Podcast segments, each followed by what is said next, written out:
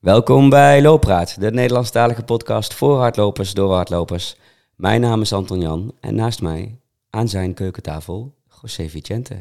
Ik zeg, Goeiedag Deel. goeiedag Deel. Hoe gaat het?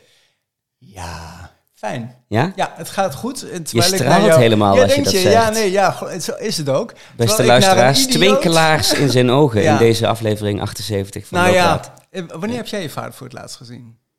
Eh, volgende week, Ah, Ja. en daarvoor? te lang geleden. Ah, je hebt hem te lang, langer dan een half jaar?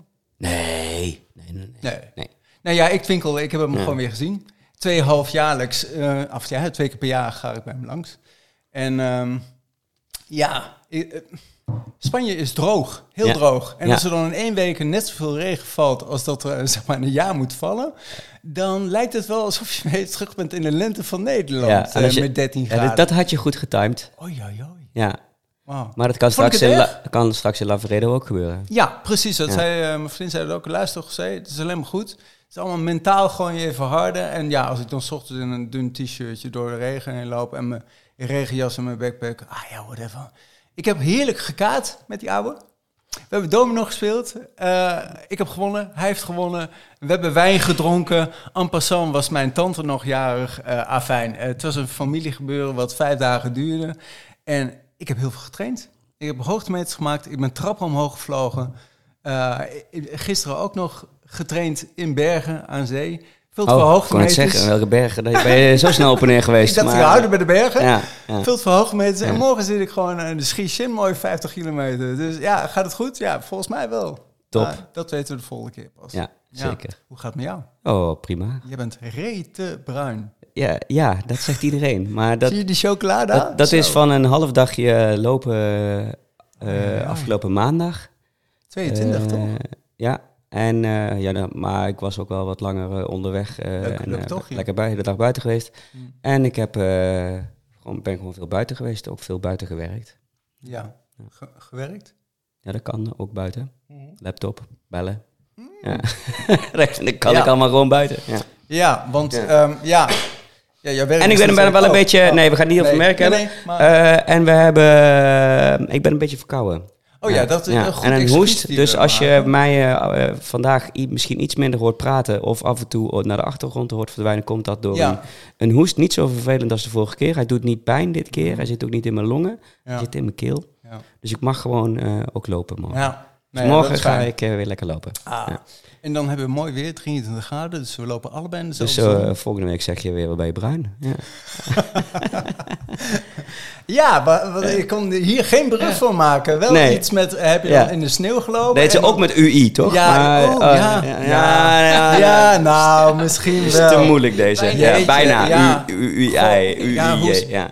Kijk, toen, eh, toen jij mij vroeg, toen dacht ik, er zijn wel een paar vrouwen die ik graag achter de microfoon zou willen hebben. Er er nog wel een paar bij. Maar deze vrouw was ook al lang bij mij op het, op het lijstje bovenaan.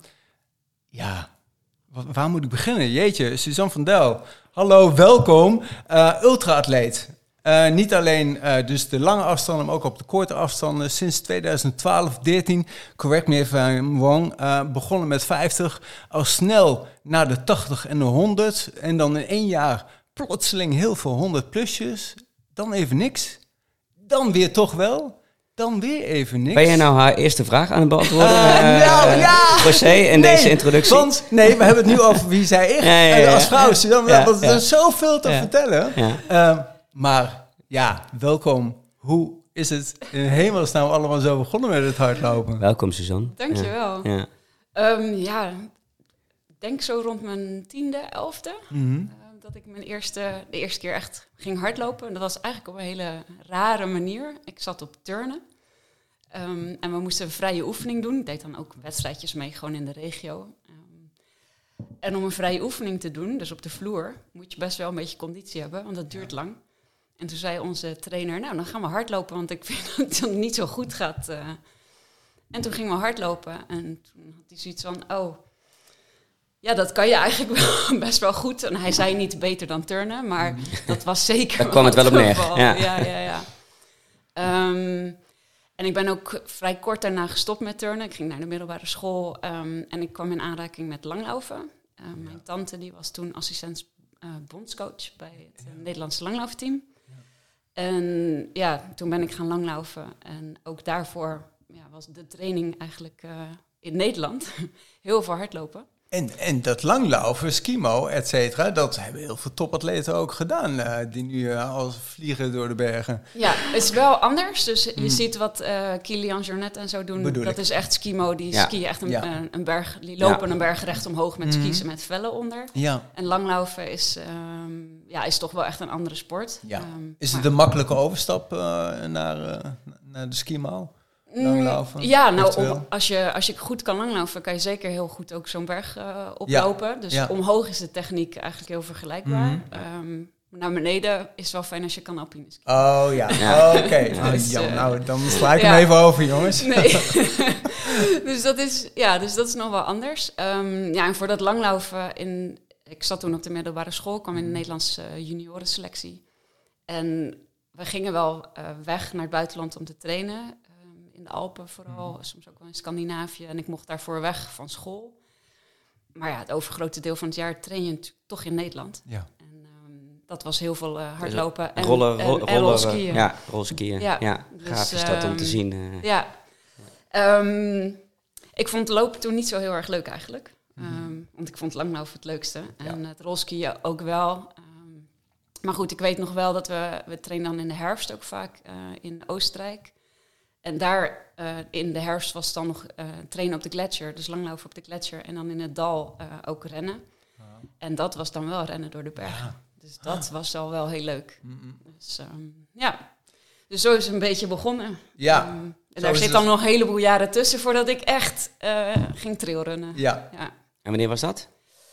ja, dat was dan denk Of, of ik... heb je daartussen nog de klassieke 10 kilometer, 10 Engelse mijl, of halve marathon, hele marathon gedaan? Ehm, ja, het was heel, heel kort, hele korte duur geweest. Dus In- ik, ik ben in eh, een maand. studeren. Ja, precies. Nou, in, eh, in een jaar denk ik. Ja. ja. Ik ben gaan studeren en in het buitenland gaan werken. En toen ik uiteindelijk eh, terugkwam in Nederland in 2009, toen had ik in mijn hoofd van... Ik wil ooit een keer een marathon lopen. Mhm. Dus daar ben ik toen voor gaan trainen. Dus toen heb ik in 2010 de marathon van Rotterdam gelopen. Ah, ja. En in 2011 weer. En ik ging toen ook wel veel op vakantie in de bergen, maar dan om te wandelen. En toen deed ik ook aan zo'n alpine cursus mee van de NKBV. eh rots en ijs. Ja. Eh, maar dat vond ik uiteindelijk toen best dat de C1? te spannend. Ja, de Ja. C1-cursus. ik vond dat een beetje te spannend. En je kan dat niet echt alleen doen of met z'n tweetjes. Want dan moet je nou, met touw de gletsjer over met z'n tweeën. Heeft Hmm. nou ja, niet zo heel veel zin. Of in ieder geval, ik durfde dat niet aan. Ja, Ehm, en op een van die vakanties in, eh in Aosta ehm, zag ik, dacht ik... Oh, maar als ik aan het hardlopen ben in Rotterdam op de weg... eh, en hier aan het wandelen, waarvoor ga ik eigenlijk niet hier eens proberen hard te lopen? Mhm. En dat, eh, dat deed ik. En toen dacht ik, dat is echt geweldig. Ja. Veel leuker over die paadjes. En toen bleken er ook nog wedstrijden te zijn. ja. dus ja, toen ging er bij mij helemaal een, eh, een, een vuurtje branden, zeg maar. Want ja, ik ben toch wel competitief. En ehm, toen heb ik volgens mij in 2012 of 13 de Cortina Trail. eh, Ik heb alle details Ah, bij de hand. Je je, kent mij. ik weet er dan niet. ik, ik zwaai even met de kaart Cortina. en de dan Cortina pet, is waar wij naartoe gaan, toch? Ja, ik, bedoel, ik ken hem als de. Lavaredo trail, maar dat is die ik ga doen, Dus, toch? Dus, Ja, ja. ja, Jij doet ja. het. Nou, je, Ja. hey, je kan eh, vragen, vragen, vragen eventueel. Maar dan wordt het weer een ander item Ja. hier. Eh, ja, dus toen zat je al bij de v- 46 kilometer eh, Ja. destijds. Ja, dat klopt. Dus dat was dan mijn eerste ultra, Ja. officieel, zeg maar. Ja, en dat, dat was echt, dat ging ook boven verwachting. Ehm, Goed. ik vond het zo leuk. Ja, ik vond het gewoon zo leuk. Mhm. En, ehm, het ging re- goed en makkelijk. Of makkelijk, je, uiteindelijk, ik weet nog in de laatste afdaling naar Cortina terug... dat, je, dat ik werd ingehaald door allemaal eh, van die hele kleine Italiaanse mannen... Oh ja. die echt met van die grote bovenbenen mij keihard naar beneden inhaalden. Dat je dacht, hoe doen ze het? Maar ja, dat was, ik vond het echt geweldig. Toen. Ah, te gek. En, eh, ja, zo is, het, zo is het echt begonnen in de bergen. Het zaadje is geplant en dan eh, het boompje als trailrunster komt dan eh, opzetten. Ja, Heb jij ook ooit wel eens gedacht van nou, het moet nog spannender? Eh, ik wil nog steiler gaan klimmen. hè, dus het skyrunnen. ook omdat je NKBV C1 al onder de knie had. Was er dan een gedachte van je? Van nou, dat, dat zou kunnen? nou, ik kies wel. Ik heb wel wedstrijden uitgekozen die wat technischer zijn. Ja. Dus ik heb ook de Glencoe Skyline gedaan. Die was echt wel ehm, heel spannend. Ja. Ehm, het gra grappige is dat je dat in een race merkte ik dat eigenlijk niet zo. Mhm. Ehm, ik vond het tijdens het verkennen spannender dan tijdens de race, want dan ben je gewoon gefocust. Ja. En, maar ja, dat is wel heel Wat- veel wat klauteren. En Ja. dat, ja, ik weet, ik weet, ik ken al die eh, gradaties niet zo goed, maar dat, Mhm. is, dat is wel eh, richting eh, klimmen toe. Ja. Dus Ja. dat was echt heel leuk. En, maar het is wel lastig. Ja, er zijn niet super veel races die, die dat eh, hebben. Mhm. En skyrunning vind ik wel echt heel leuk. Alleen ik hou ook heel erg van de echte lange afstand. Lang. Ja. En die Glencoe Skyline is 550. Ja. Mm, maar Maar daar zijn er niet zo super. En die is heel technisch, Ja, ja, maar daar zijn er dus niet zo heel veel van. Wat is heel lang voor jou? 100 Ja. kilometer plus. Ja, Ja. dat is zeker beginnend bij 80. Maar ja, ik vind door de nacht heen lopen echt heel leuk. Waarom? Omdat je wereld zo klein wordt. Ja. Dus je loopt eigenlijk in je, in je lichtbundel en de tijd vliegt voorbij. En dan op een gegeven moment dan zie je de, dan komt het blauwe licht en dan komt de zon. En oh, dat, dat vind ik Dat moment, ja. moment, ja. Maar ook gewoon het, het zo eh, dat je alleen maar bezig bent met de ene voet voor de ander. En, en de weg vinden natuurlijk ook wel. Maar, maar je je wereld is, is niet meer dan nou, twee meter om je heen of zo. Ja. En dat eh, ja, vind ik heel mooi. Ja. Je moet heel gefocust zijn, dat voel je ook natuurlijk. Hè. Die adrenaline is best wel veel hoger, zeker in het begin. Ja. Maar eh, net wat je zegt, dat wereldje is ook heel klein. Eh, ook, ook door je belevenis, omdat je al zo scherp moet zijn, zijn je zintuigen nog scherper en je bent nog meer erin. Ehm, w- w- 2019 is een uitzonderlijk jaar. Als ik daar zo naar kijk, heb je drie maal een 100 plus wedstrijd gedaan. Eh, en dan maken we gelijk een, een jump naar veel langer eigenlijk. Want we hebben nu tot 50, 80 kilometer besproken, maar dan 100. Eentje die voor mij echt meteen uitspringt, is die Pika Pika. Ja. En eh, qua afstand op zich nog wel oké. Ehm 144 of 100, geloof ik. Ja, net, net iets meer dan 100. Ja, maar zo mega technisch. Ja, ik weet het omdat Thomas en Anne-Mummy zijn daar ook geweest. Thomas Dunkerbeck, vorige voormalig gast van ons. En eh Anne-Mummy is natuurlijk zijn vaste muze, laat ik het zo even zeggen. Ook een hele goede klimster. Ehm, hoe was dat? Want je was daar 42 uur, was jij gewoon aan het rennen, klimmen, klauteren. Hoe was die race voor jou? ja vreselijk eigenlijk. Je hebt de goede uitgekozen. Ja. het ging heel slecht. Ehm, want dat was de derde eh, dat jaar. Mhm. Ehm, en het is het, in 2019 is het jaar dat ik, ehm, dat ik weer ging rennen nadat ik in 2018 een hernia-operatie had Ja. gehad. En ik was heel erg gebrand op presteren. Dus mijn doel was om Nederlands kampioen ehm, Sky Ultra te worden. Ja. Dat was bij de Scenic Trail in juni dat Mhm. jaar. Dat is gelukt. Ja. Ehm, toen wilde ik de Amy Extreme lopen. Ja. Dat is niet gelukt. Ja. Ehm, maar dat is, die is nog, nog veel eh, gekker dan, eh, die Pika Pika. Oh, serieus. Want die, als, die is 160, 170 kilometer. Ja. Maar wel met ehm, ook, ja, even denken hoor, ik denk 18.000 hoogtemeters of Ja. zo. Dat is Auke Staal zijn, zijn kindje, toch? Ja, Ja. dus dat is gewoon een bizarre race. Ja. Ehm, daar, ik was super sterk, maar daar lukte het toch niet. In mijn hoofd eh, ging dat toen even niet goed. En toen dacht ik, nou, maar het is wel goed zo. Ik ben goed genoeg en ik eh, Ja. hoef hier niet te finishen. Ehm, heel jammer dat, Ja. dat ik niet gewoon even ben gaan slapen en, eh, en gewoon weer ben door gaan lopen. Ja. Dus bij die Pika Pika was mijn doel geen gedoe. Gewoon Ja. finishen, maakt niet uit wat er gebeurt Tuurlijk, ja. ehm, doorlopen. Ja. Ehm, maar ik werd daar ja, een soort van ziek. Ehm, het is nog steeds niet helemaal duidelijk wat Hoog? er, wat er gebeurde. Ik denk niet dat het hoogteziekte Het is in de buurt van. Andorra, laten we eventjes situeren. Ja. Ehm, maar na een kilometer of mm, 60, denk ik. Ik voelde het wel gelijk in de eerste klim. Dat is dan Mhm. gelijk 3000 eh, meter stijgen of zo. Ja, ja. Eh, of hoogtemeters. Ja, dat is wel Ehm, bizar In, voor, in de eh, eerste, ja, ik weet niet precies, 25 kilometer. Ja. Of, het, is, het is echt bijna heel recht veel. Nog, nog, Ja. Nee, het is, nog, het is echt heel stijl. Mhm. Ehm, dus ik voelde daar wel van, oh, ik ben niet echt top. Mhm. Ehm, maar goed, ik ben gewoon door gaan lopen. Ehm, maar ja, het was net als een soort dysregulatie van mijn ademhaling of, of zoiets was. Dus ik kon niet harder ja. dan eh, heel langzaam. Ehm, maar ik dacht, ja, ik ga toch gewoon door blijven lopen. Ik ben daar nog midden in de nacht. ehm stonden heel veel mensen langs, eh, voor de veiligheid, zeg maar, langs, langs, eh, langs de route. Ja. En die, hadden, die vrijwilligers hadden een tentje. Dus toen zei ik op een gegeven moment, nou, mag, mag ik even in je tentje even een half uurtje slapen, maak je me weer wakker. Ja. Ja, dat hielp allemaal niks, maar ik heb hem wel uitgelopen. Ja. Maar dat waren dus Ja. wel 42 eh Echt knap. afschuwelijke uren. ja. Maar dat was een jaar. Dus, dus je, bent, je bent er flinke tijd uit geweest met een hernia, neem ik aan. Zowel in aanloop naar operatie als natuurlijk herstellen. Ja. Dan denk je niet bij jezelf, misschien moet ik het jaar daarna even rustig opbouwen. Mm, ja, voor mijn gevoel had ik dat gedaan. Ja, Om de- even aan te geven Ja, wat voor jouw hier, gevoel. eh, Ja, ja, ja. Nou ja, en, Ja. en dit is dan natuurlijk wijsheid achteraf, maar daarna Ja. raakte ik nog een keer veel erger geblesseerd. En eh, toen dacht ik, dat kan ik dan net zo snel weer oppakken. En Ja. dat was even anders. Maar toen, ik ben er na die operatie zes weken uit geweest. Eh, ik heb me keurig aan alle voorschriften gehouden. Ik ben heel langzaam op gaan bouwen in zo'n schema van tien weken naar vijf kilometer toe. Ja.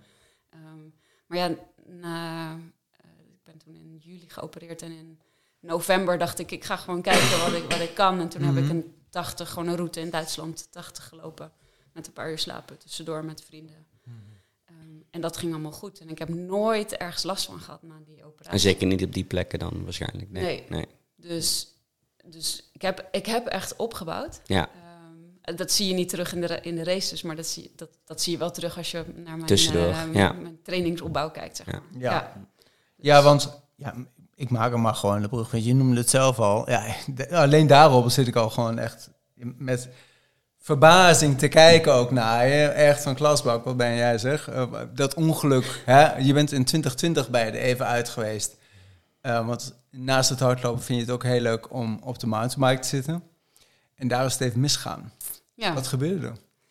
Ik deed mee eh, aan een eh, clinic, jumps en drops. Oeh, Noemde dat? dat klinkt ook Dus gevaarlijk. Springen Ja. en van dingen afrijden. Hoe zien die fietsen eruit? Eh, ik, heb een, eh, ik heb een endurofiets met heel veel veerweg en Mhm. een eh, zo'n zadel wat je kan laten zakken en zo. Dus het jaar eh, daarvoor was ik daar ook wel wat meer in de weer geweest. Ja.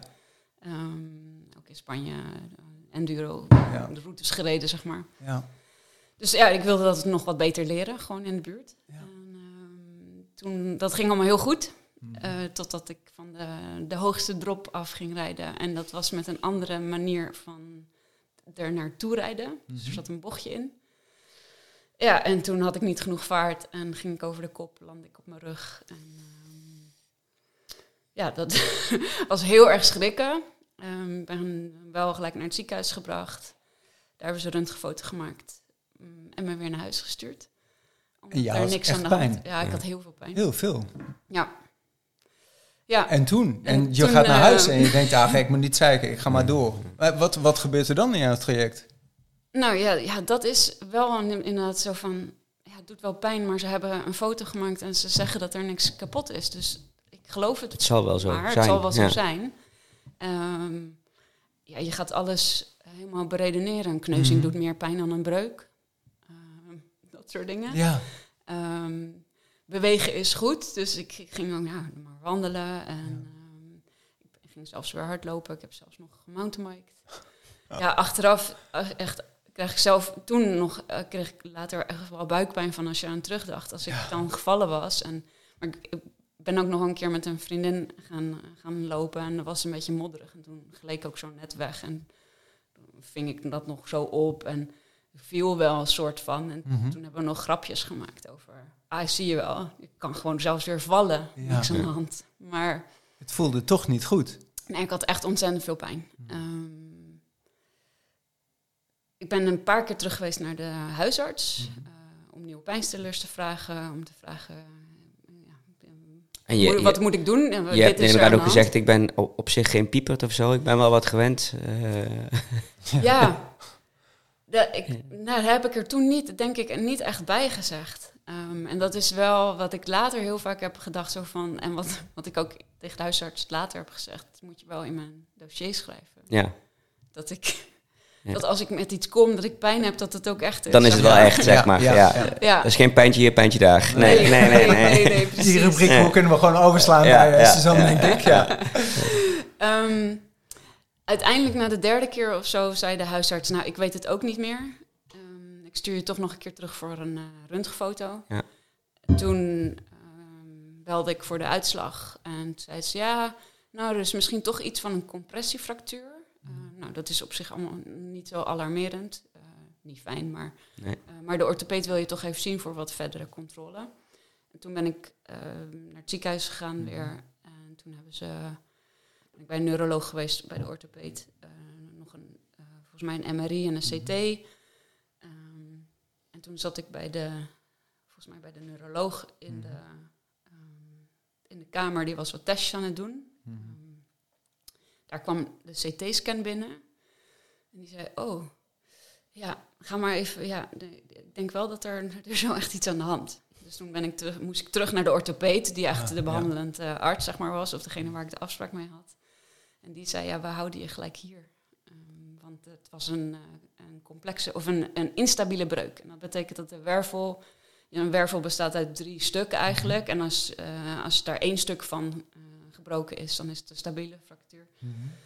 als er twee of drie kapot zijn, dan is het instabiel. En bij mij was het allemaal kapot. Oei. Dus, um, Hoe heeft dat in hemelsnaam nog zo een beetje bij elkaar kunnen... En jeetje, wat een pijn moet dat veroorzaken ook. En dan? Ja, Ja. ja. heel, heel maf. Nou, ik was op een dependance van het ziekenhuis. Mhm. Dus ergens anders dan in, uh, waar, waar ik geopereerd zou worden. Want dat was dus uh, wat, het, uh, wat er moest gebeuren. Mhm. Het was op een vrijdagmiddag. En de orthopeed zei... Ja, maar ik, ja, ik kan mijn team nu bij elkaar roepen... Maar dat ga ik eigenlijk niet doen, want dan moeten we vanavond dat doen. En dan nou, lijkt me niet handig, eind van de werkweek. Ja. Dus dat doen we dan maandag. Dus je wordt opgenomen. Normaal zou ik je met een ambulance naar uh, het hoofd. Ja, maar je hebt, gebouw gewoon, brengen. je hebt gewoon gemountainbiked. en, uh, met de, ja, precies. Ja. Loop ik was maar. daar alleen, alleen naartoe gegaan Ja. met de auto. Ja.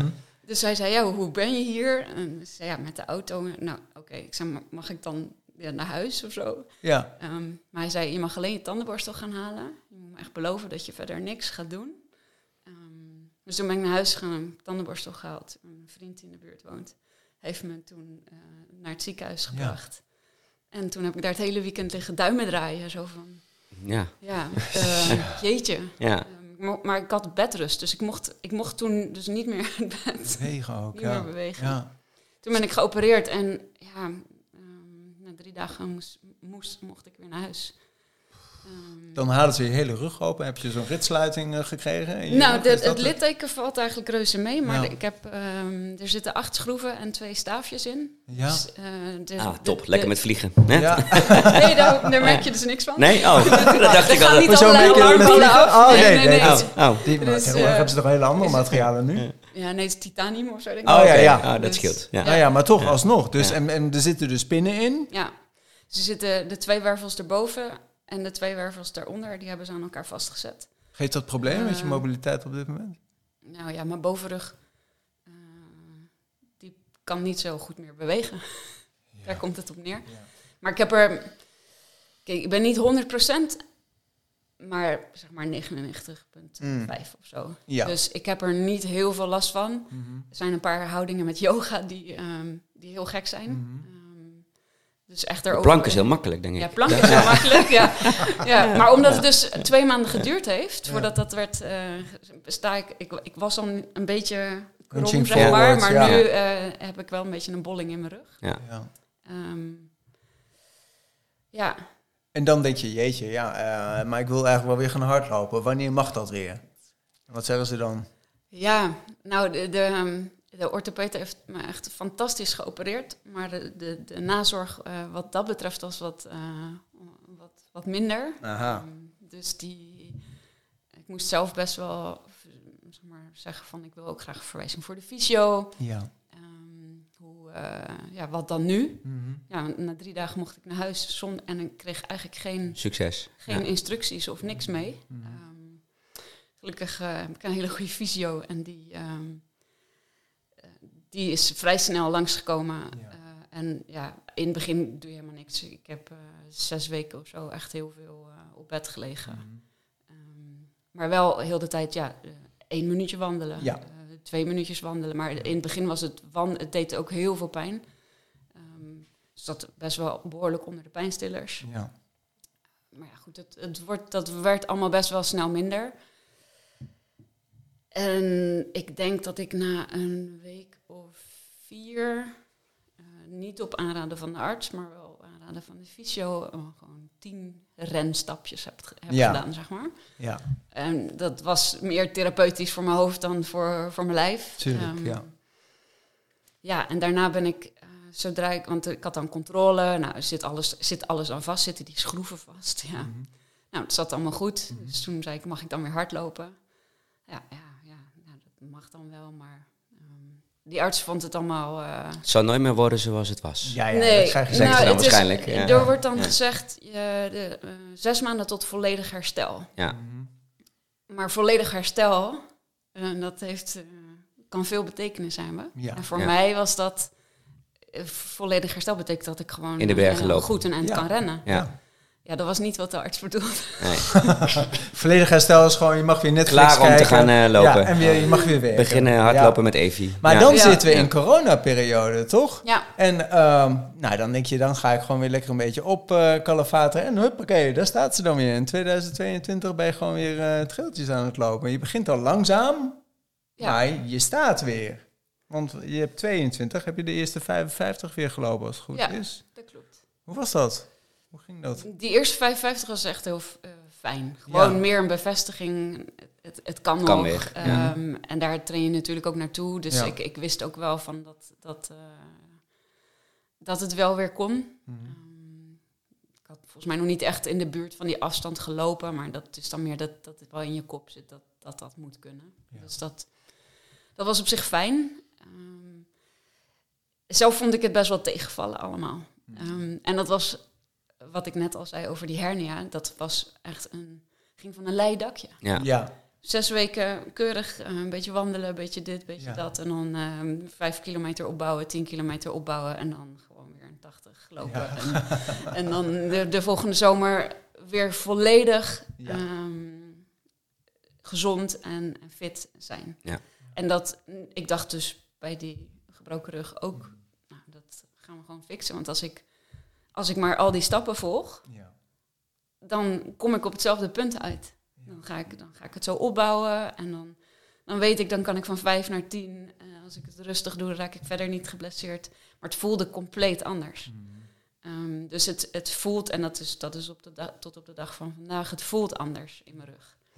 Ehm, en in het begin deed het gewoon heel veel pijn met, met rennen ook. Ja. Eh, zeker als je naar beneden gaat rennen, hetgeen wat ik het allerleukste vind. Mhm. Altijd het beste ook in was. Mhm. Ehm, Nu, Dan- dan- nu gaan de Italiaantjes met eh Nee, de die- stevige oh, bovenbenen dat is alleen de eerste keer Ja. gebeurd. En buiten dat Ja. feit om, Ja. kijk, eh, als wij in de bergen rennen, dan hebben we een zakje om onze rug. Dat zou voor jou ook super vervelend zijn geweest. ja. Wordt het dan toch maar zo'n eh, fanny bag, is het toch? Even van, van eh, Fanny bag, rare- ja. rare Fanny naam. bag. Hoe heet zoiets? Zo'n zo'n Een belt. Een, heu- een heuptasje. een belt. tasje. Ja, nee, Een belt. Matthijs had toen een keer zo'n verhaal ervoor. Oh, nee, ik noem ze Ja. gewoon een belt. Nee, ja, Ja. goed, anyway, die knippen er wel even uit. Ja. Dat Nee, we ook nooit. altijd bij. Doen ja. we nooit. Nee, niet. Eh, maar die, zo'n tas is gewoon een drama. Ja, zo'n racevest, dat gaat nog wel. Ja, aan de voorkant Ehm, met de flessen. En, eh, ja. ja. Maar afgelopen zomer heb ik Ja, in de Pyreneeën gelopen. Ja. Ehm, ja, daar heb ik wel één dag eh, Ja, heel hard gehuild. In, Ja. Niet in de Pyreneeën lopen, daar, daar heb je gewoon, daar ben je eigenlijk wel weer terug, toch? daar ga je gewoon een route lopen van A naar B. Vertel eens, Oot. Ja, de autoroute Pyrenee Ja. ehm, was het plan. De 11 toch is dat? Of de 10? Of de, Nee, de het is juist- GR11? oh, Nee, het is juist eentje die ertussen loopt. Dus eh, Ah, de oké. GR10 De ene is aan de de Franse e- kant. Ja, Aan de Spaanse. ja, en deze gaan- is bovenop. Ja. de autoroute. Dus Ja. dit is degene die Tof. zo hoog Ja. mogelijk en eh Die heb je helemaal En- gedaan? Nee. Oh, Nee, dat heeft, een, dat heeft een verhaal nog. Ja, maar ja. ja. ik bedoel, hoe is dat? Ja. Hoe gaan, wel, eh, hè, want je hebt het niet alleen gedaan. Het is ook geen wedstrijd. Maar als ik zo je verslagen zo'n beetje heb gelezen, zat wel een flink element in weer. Hè? Dat ging Ja. wel echt op tempo ook. Nou, ja, we, we hadden een maand de Mhm. tijd, Ja. mijn vriend en ik. Ja. Ehm, en we dachten, ja, dat moet kunnen. En dan kunnen we ook nog even aan de, aan de Middellandse Zee eh, liggen. Ja. Oh, je ging van, eh, we gingen oost, van, west naar oost. Van de Atlantische Ja. Oceaan naar Ja. de Middellandse Ja. Zee. Ehm, hij is eh, nou, 850 kilometer. Mhm. En wij dachten, eh, als alles echt fantastisch gaat, 20, 25 dagen. ja. Dus nou, als Ja, het dan nog nog een paar minder gaat, dan, Ja. eh, dan, dan red je 30, we hadden volgens mij 32 dagen. Ja. Dan red je dat. ja. maar ja, dat was de, om heel veel verschillende redenen ehm, was dat eh, niet zo. Dus we zijn heel voortvarend van, van start gegaan met eh, ja, 40, 50 kilometer per dag de eerste drie, vier dagen. Met bepakking van nou, Ja. 15 kilogram ongeveer, zoiets. Ja, ja dus we hadden alles bij ons eh, om gewoon ja, overal te kunnen slapen. Mhm. Ehm, het eten was heel lastig om voldoende eten te kunnen vinden langs de route. Ja. Dus we droegen wel, ja, wel mee. Ook best als je gaat kijken naar calorieën, we droegen best wel wat eten mee.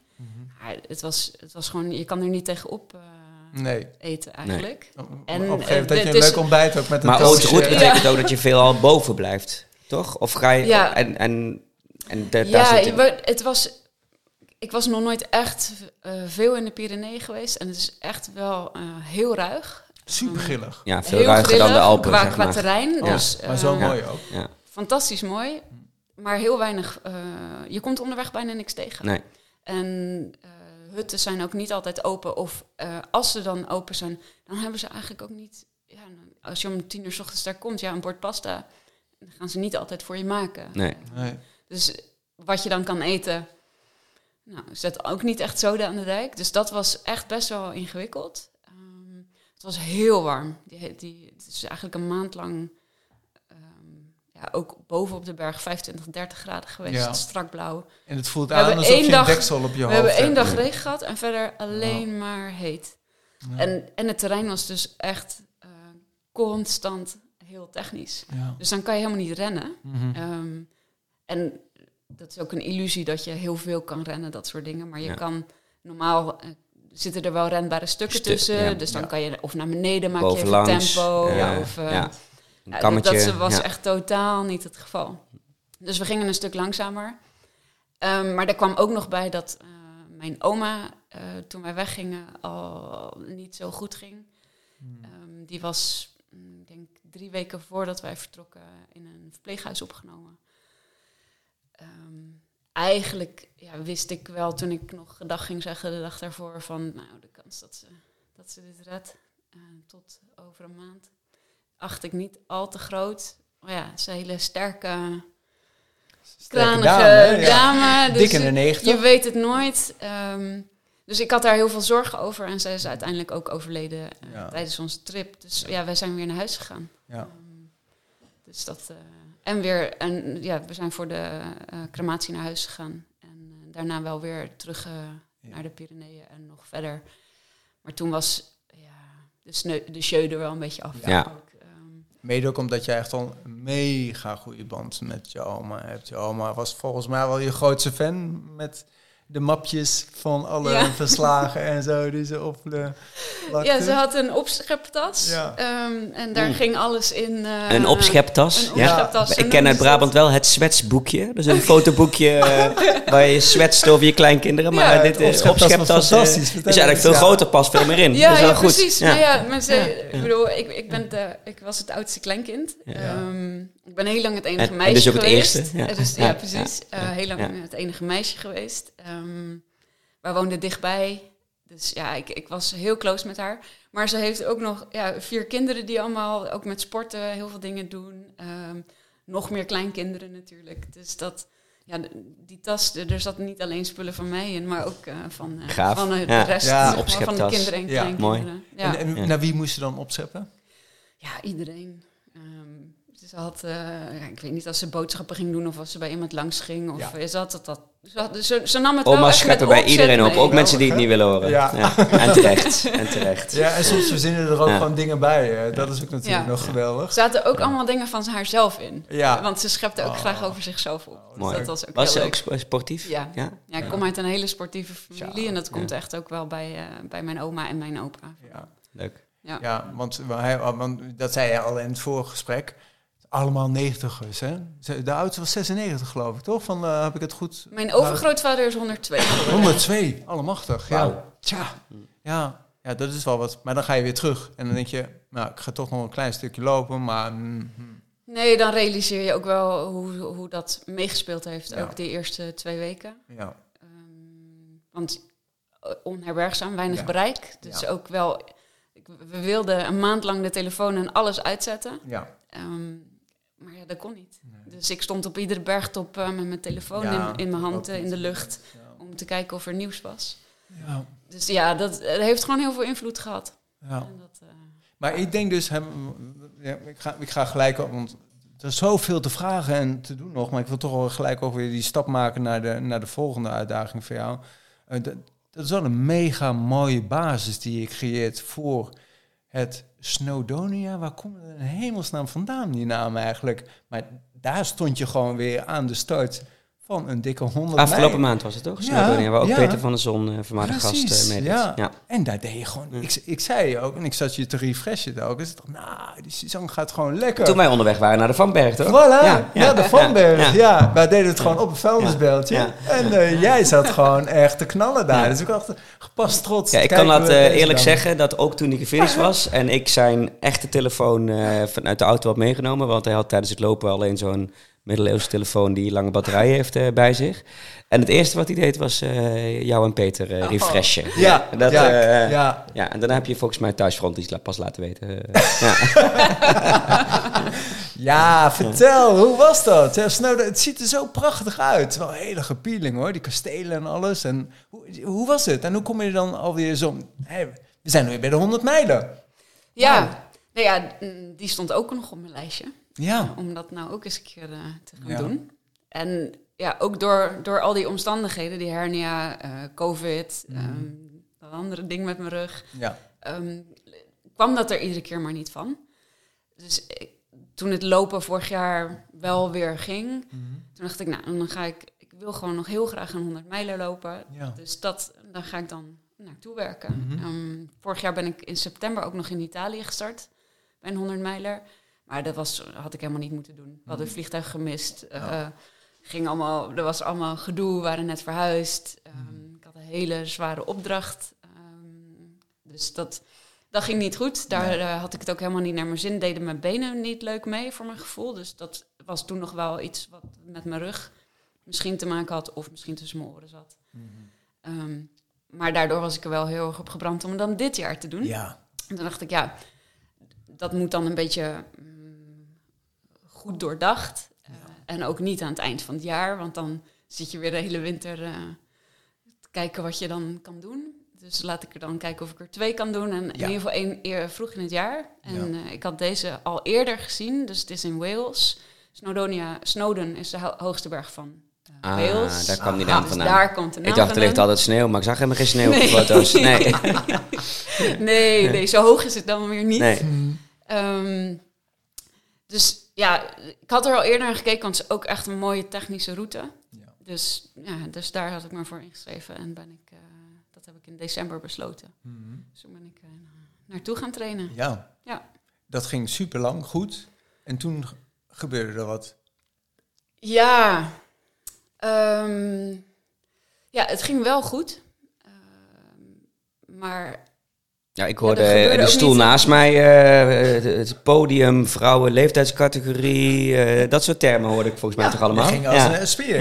Het was- ging, Dat ja, is best goed. Ja. het, Ja, nee, ja, het, het ja. ging heel goed. Eh, ik had alleen zelf niet zo door. Nee. En ik had er, uit, ik had er ook niet zo mee, mee bezig moeten zijn. Ja. Ehm, ik, ik, ik heb me eigenlijk niet aan mijn eigen opdracht gehouden. ja.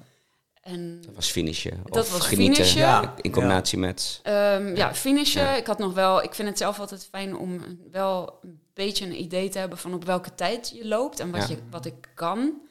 Ehm, maar dat had ik kort van tevoren bijgesteld. En dat had ik niet moeten doen.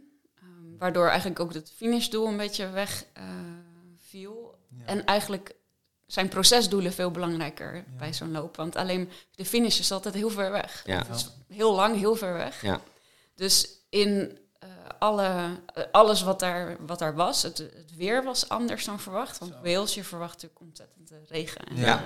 Ja. nou, dan was ik mentaal helemaal voorbereid. En het was gewoon strak blauw, eh, uiteindelijk zelfs 30 graden. ja, dat is goed. goed. Dus dat was eh, heel Ja. ongewoon. Ja. Ehm, het terrein, daar zaten wat verrassingen in. Eh, en ehm, daardoor vergat ik eigenlijk te eten, omdat ik zo geconcentreerd was op, op de weg vinden. De markering was niet heel goed. Dus ik was heel geconcentreerd op... GPX eh, aan? ja, Ja, ja, dat was wel. ook dankzij dat, dat ik de route in mijn eh, horloge had eh, heb ik ook, ben ik niet verdwaald, zeg Ja. maar.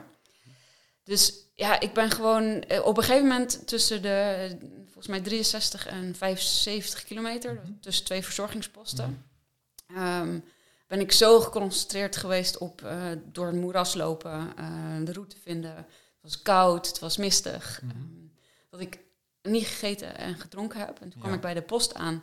Toen su- super, echt fantastische vrijwilligers daar. Mhm. En die zeiden, en nou kunnen we je flesjes bijvullen en wat wil je eten, Ja, want wil je dit? En toen hè? pakte Ja. ik zo die softflasks van mijn racevest en eh, toen Vol, dacht ik, oh ja. shit, ze zitten nog helemaal vol. Ja, En dat haal je eigenlijk niet meer in. nee. Nee. Dus Te laat, dat was ja. al, eh, en ik voelde me al niet helemaal eh, top. Ehm, ik probeerde bij iedere post ook van de post zelf wat te eten. Mhm. Ehm, maar ze hadden chili met rijst. Mm. Niet- eens. en best wel pittig zelfs nog. Ja, Ja, dat wer- werkte gewoon niet echt voor mij. Dus Nee. het viel niet helemaal lekker. Dus ja, het, ik heb wel gegeten, maar v- lang niet genoeg. En als je eenmaal achterloopt, dan haal je het nooit meer in. Ja. Dus ik bleef wel gaan. En het is eigenlijk verbazingwekkend hoe lang ik nog kon Mhm. blijven gaan. Ja. Maar op een gegeven moment, bij 135 was de fut er echt helemaal uit. En toen kwam ook de chili eruit. Ja. Ja. Die ik nog, zeg maar, mezelf eh, naar binnen gestouwd. Ja, had. naar binnen gestouwd had. ja. Dus toen eh, dacht ik, ja, Dan ben je Eh, leeg. dan hoef je nog maar 30 kilometer. Ja. Maar dat is dan nog, misschien met het tempo wat ik toen nog had, eh, Mhm. ben je nog tien uur bezig. Ja. Ja. En dat, ehm, ja. En wat ik, later dacht ik ook nog, ja, wil je, had ik niet gewoon terug moeten gaan naar de post? Of had ik bij de post even moeten gaan liggen Mhm. en dat je echt goed kan eten? Maar dat is toch ook weer niet de manier waarop ik wedstrijden loop. Ja. Dus ja, ik had Ja. misschien wel binnen de 48 uur die, die je mag eh, Ja. nemen kunnen finishen. Maar Mhm. ja, dat, dat past dan ook niet. weer niet bij. Nee, Nee. zo wilde ik het ook Nee. niet doen. Ja. Nee. Dus eh, toen ben ik eh, helaas gestopt. Ja. Maar het ging, ja, zeker achteraf. Ik heb helemaal een analyse gemaakt van, ehm, van, nou, van, van verzorgingspost naar verzorgingspost, wat er tussen gebeurde. Want er gebeurt zoveel. ja. Je vergeet het ook allemaal weer. Mhm. En wat voor beslissingen ik heb genomen en wat ik heb geprobeerd te eten. Of eh, ja, het was niet nodig geweest. Nee. Of tenminste, maar, ik had vanaf, ik had al heel veel vroeger veel meer gefocust moeten zijn op het Ja, proces. da- en dat was de conclusie dus. Dat, Ja. dat, dat je dat had moeten doen. En dat je, eh, maar je was nu ook zo gefocust op het parcours en de dingen die anders waren. Ja. Eh, Ja. ja, en ik moet dus, ik heb het, kijk, het is wel eens, het is heel vaak heel zwaar, eh, Mhm. maar ik denk altijd, ja, ik heb hiervoor gekozen. Ja. ja. Dus ik, ik vind het ook altijd wel op een rare manier leuk. Ja. Ehm, maar er zat echt 10 kilometer achter elkaar moeras, waarin ik een schoen verloor, een keer tot Oh, mijn heup wegzakte. Nou ja, toen had ik wel zoiets van, wat is Ja. dit? Hier Ja. ga ik echt nooit meer naar terug. Ja. Nee. Ja, we willen rennen. Of, of Ja. we willen rotsen, maar we willen Ja. geen modder en we willen geen moeras en zo. Maar aan de andere kant Ja. denk ik ook wel zo'n Ja. sompig moeras met een kasteel. Een kilometer is niet erg. Nee, maar, maar eh, Nee, kilometer precies. Ik kan best wel wat eh, Ja. aan, maar dat was, het hield maar niet op. En dat Nee, had ik, ik teken ook altijd, net als jij, eh Ja. José, de kaart Ja. mooi in van tevoren. lekker. Ik dacht, heb ik dat, hoe heb ik dat nou kunnen missen? Mhm. Ja, daar heb ik nog niet een- echt een antwoord op. Nee.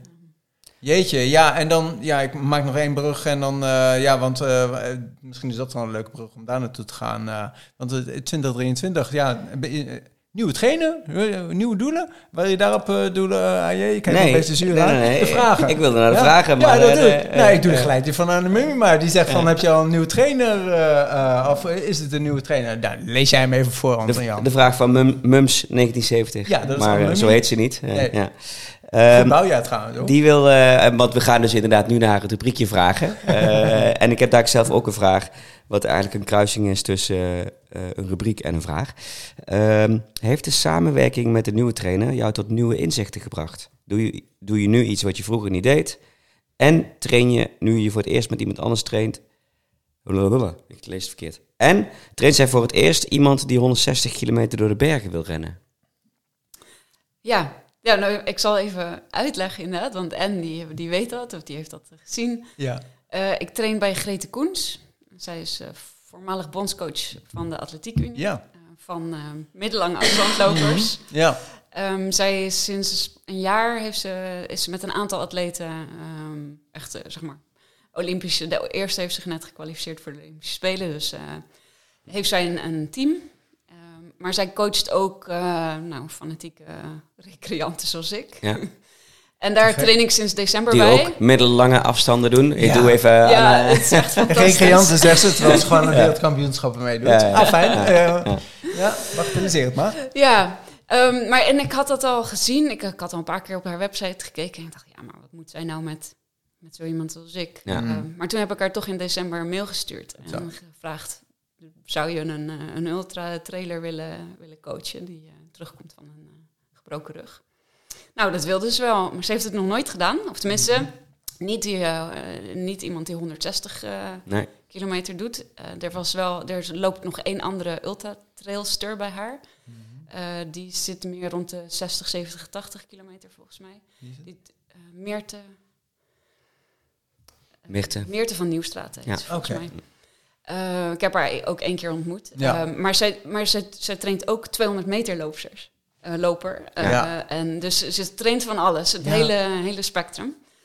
En ze zei, ja, ik, eh, ik wil het wel doen. En ik, ehm, ja, we gaan het gewoon proberen. Het- Ik, ik denk dat ik wel wat, wat kan betekenen. Voor. Ja, en het- dat is ook zo. ja, en het is heel anders dan dat je voorheen deed. Zo'n eh, baanbrekende schema's.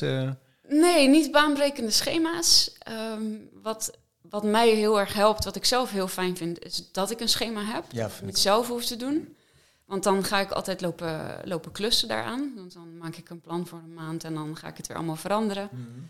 Ehm, en dan ga ik ook veel te veel op mijn gevoel af. Ja. Wat dan objectief gezien misschien niet per se eh, helpend is. Dus dan neem ik, dan doe ik of te veel of te weinig. Ja. Eh, en dat de hele tijd afwisselend. Want als Mhm. ik dan te veel heb gedaan, dan moet ik weer, ben ik weer moe. En dan, dan ging ik weer eerder, zeg maar, twee dagen of drie dagen niet lopen. Ja. Of, ehm, dus er zat gewoon geen, geen structuur, en geen goede structuur in. En dat- ja, dat krijg ik van haar. ja, dus het, En ehm, het vertrouwen ook in de schema. ja, eh, heel erg. En eh, haar aanpak. ehm, en ik heb eerder bij Laurens Groenendijk ook getraind. En Zeker. die heeft ook wel eens. eh, met hem had ik het er ook wel eens over gehad. Je moet zo specifiek mogelijk trainen. Mhm. Hoe dichter naar je evenement, Tuurlijk. specifieker je gaat trainen. Ja. Maar heel vaak, eh, als je ultraloper bent, betekent Mhm. dat dus dat je volume dichter naar je evenement of je race eh, Ja. dus omhoog moet. Zeker. Ehm, terwijl heel vaak is het juist andersom. Mhm. Eerder ging ik altijd in de winter lange, langzame dingen doen. Mhm, mhm. En dan in de zomer nog weer wat snelheid proberen Mhm. Te, te creëren. Ja. Ehm, dat is, hebben Klassiek we is dus dat. dat is heel klassiek. Ja. Maar dat hebben we nu omgedraaid. ja, veel beter. Dus eh, ik heb in de winter eh, onder begeleiding van Grete dus ehm, veel snelheid gedaan. Mhm. Ehm, geprobeerd om inderdaad een, een betere hardloper te worden. Nou, dat, dat denk ik dat ik dat echt ben geworden. Mhm. Eerder voelde ik me nooit zo'n hardloper, want ja, je loopt Vooral een altijd in de- langloper. Ja, een Ja. langloper. En, en ik, ik loop niet per se heel Toch hard. weer dat langlopen, trouwens. Ja, ja klopt. Eh. Ja, ja, lekker. Ja. Ik hoor hem. Ja, ehm, Dus dat is en wel d- echt... dus, dus dat heb ik in de winter gedaan. En nu maar dat weet je met laatste- Laurens ook al, denk nou, ik. toen, daar hebben we het wel eens over gehad. En toen waren we eigenlijk soort van begonnen met daarmee experimenteren. En toen kwam die hernia en toen kwam COVID. Ja. En dus, ehm, Ja. Maar met Grete is dat, eh, dat is dus eigenlijk wel een beetje haar aanpak. Ja. Eh, ja, dan ben ik ook natuurlijk een en al oor, want het is mooi om dat te horen dat dat ook gewoon goed werkt. Ehm, heb je dan ook al met Grete nu bepaald wat je nu af... Nee, dat is voor de slotvragen. Ja, je gaat weer hem- te Ja, oh my god. We waren in het, eh, De- nee, in het we- blokje we doen- vragen. We doen hem terug. We, zijn waren in het blokje vragen. Ja, nee, Ja. sorry, maar dat is mijn eigen interesse. En wat is de volgende vraag, Jan? Eh, eh, b- bedankt voor deze introductie, José. Eh, een vraag voor mij. Want we José zei net al, we slaan het rubriekje PHPD over. Hè? Ehm, maar toch even terug naar die PHPD. Want heb jij, je hebt ongetwijfeld nu ook pijntje hier, pijntje daar. Dat heeft elke loper. Heeft het jou geholpen dat je echt pijn gehad hebt om nu met PHPD'tjes om te gaan? nee, volgens mij niet. Nee? Want er wordt wel eens in de ultrawereld gepraat over pijn en dan moet je leren mee omgaan of omarmen. Of, eh, Nee. het is niet dat je het nu makkelijker naast je neer kunt leggen. Nee, want ik heb ook Ja. nooit... Ik heb tijdens ultras voor mijn gevoel nooit pijn... Dat, dat heb ik al nooit gedefinieerd als pijn, geloof Nee, ik.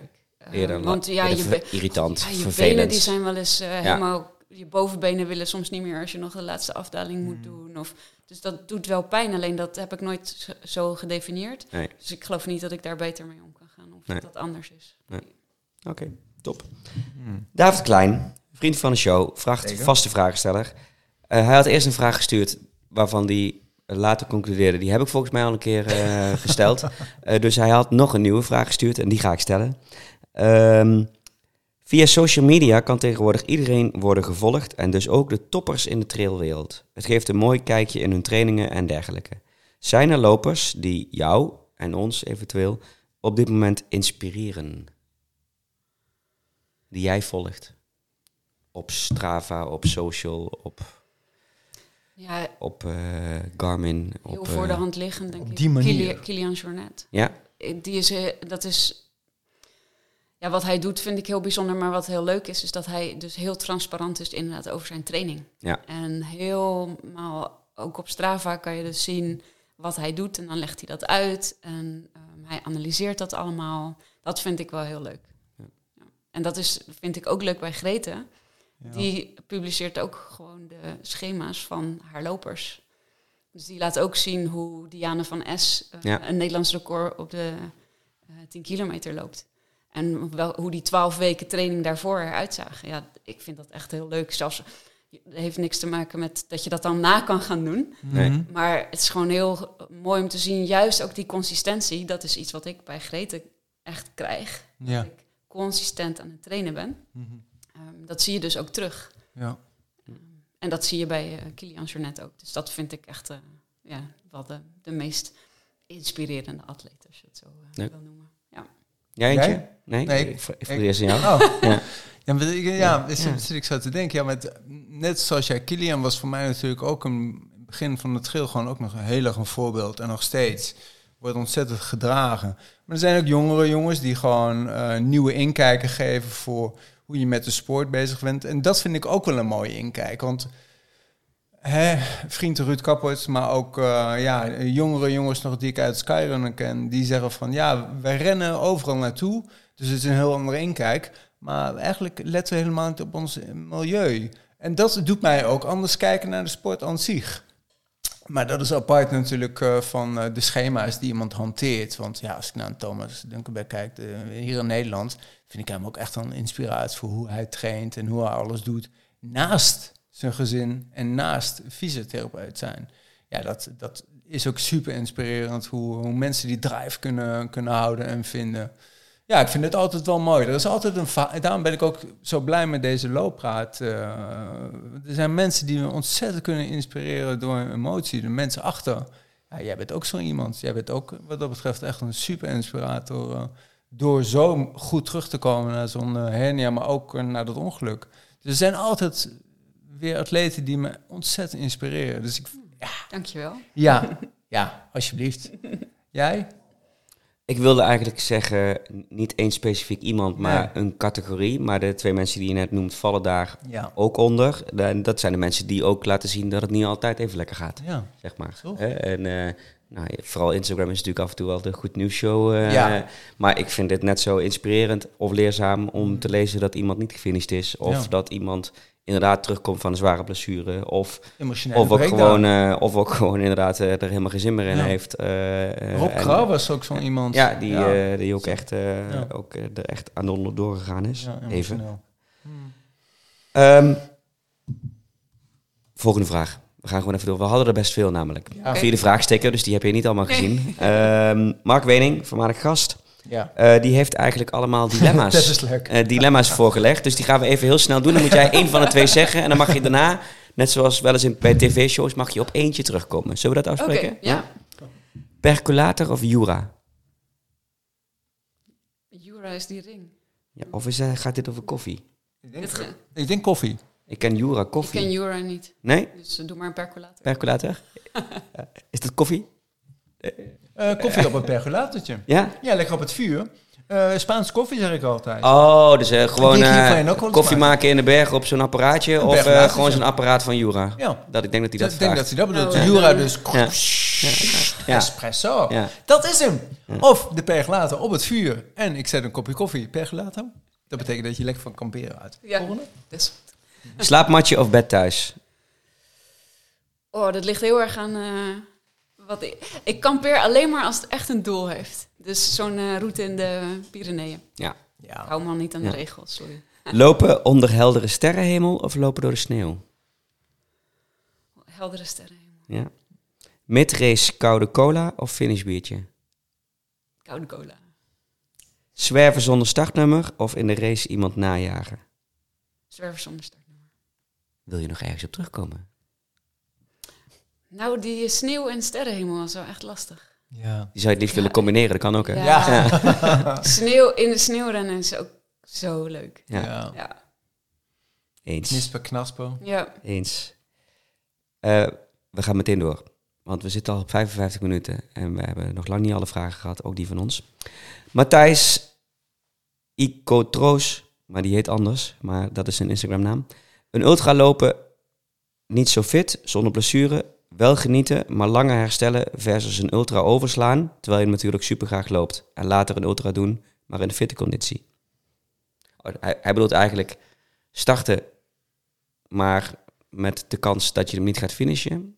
Of gewoon starten. Of eh, niet starten en later doen als je fitter bent. Ja. Nou, het ligt er een beetje aan waarom je niet fit bent. Maar in principe is het bij een ultra juist interessant dat je nooit weet of je gaat finishen. ja. Dus ik, dan zou Toch ik gewoon toch zeggen starten. starten. ja. Ja, oké. Raymond wil graag weten, ooit wil ik een ultra lopen. Afstand weet ik nog niet. Maar wanneer kun je zeggen, ik ben klaar voor een ultra? Dat is een lastige. Ja. Ja, eh, als het iets is wat je wil, dan moet je daar ook gaan opbouwen. En een ultra begint vanaf eh 42,5, zullen we maar zeggen. Raymond, ik denk deze vraag stellen is het antwoord al. Je, jij bent nu al klaar voor een Ja. ultra Ja. als je daar zelf maar klaar voor wil zijn. Ja, Toch? Ja. Eh, Running Benny wil graag weten welke horloge je aanraadt. En dan met name voor de ultra. Eh, ik heb eh, lang met Sunto gelopen. Ja. Mm, Dat was heel fijn. Eh, alleen voor de echte lange ultra's eh, heb ik nu Phoenix eh, 7X. Ja. Eh, Garmin. 7. Garmin. Ja. En die houdt het gewoon qua batterij eh, echt heel lang uit. En dat was eigenlijk ook wel voor de Pyreneeën. Eh, er zit zo'n solar eh, ding op. Dus Ja, dat, eh, kun je een dat beetje bijladen tijdens, eh, ja. Dus af en toe eh, inderdaad even in de hut. eh Ja. Kon je alle dagen erin. door? Ja. Bij, dagen mee lopen. Ja. ja. Ja. Ja. Nou, duidelijk. eh, Garmin wint. De boomstamman, onze voormalige gast, Björn van Ja. Loon. Bjorn van Loon. Ja. Als je niet meer zou kunnen rennen, wat zou je dan gaan doen? Ja, toch weer langlopen dan, hè?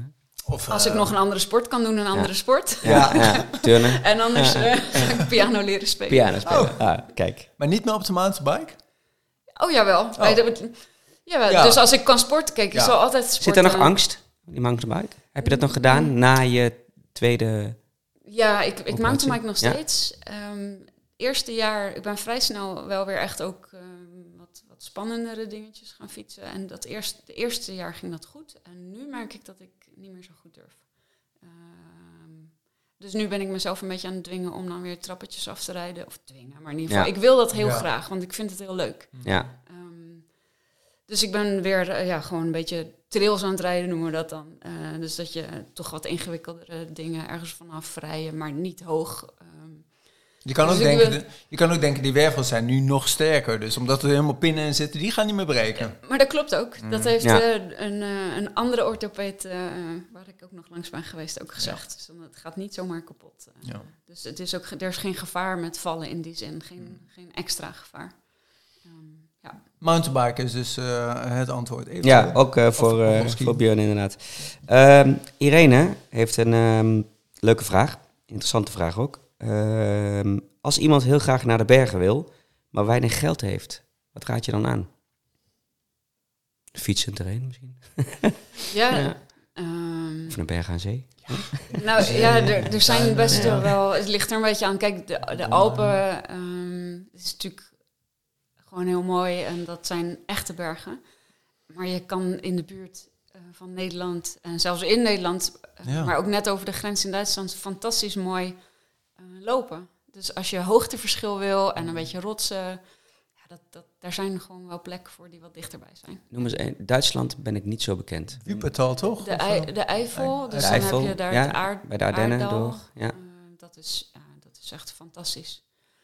Dat is vanaf Arnhem twee uur rijden. ja. Rutger Bruining heeft twee vragen. Mag eigenlijk niet, maar we stellen ze gewoon allebei. Oh ja. Ehm, wat is je mooiste buitenlandavontuur op trailgebied? Oeh, dat En is, avontuur, ik weet niet of dat hetzelfde is als een race. Want wat je in de Ja. Pyreneeën gedaan hebt, is voor mij een avontuur. Maar een race is misschien weer wat anders. Ja, ik zou daar ik zou ook niet eens aan een race denken, maar dan denk Nee. ik inderdaad wel aan de Pyreneeën. Ja. Ehm, en ik heb ook in Nepal eh, het Manaslu Circuit eh, gerend. Ja. Ehm, ja, dat was ook wel heel mooi.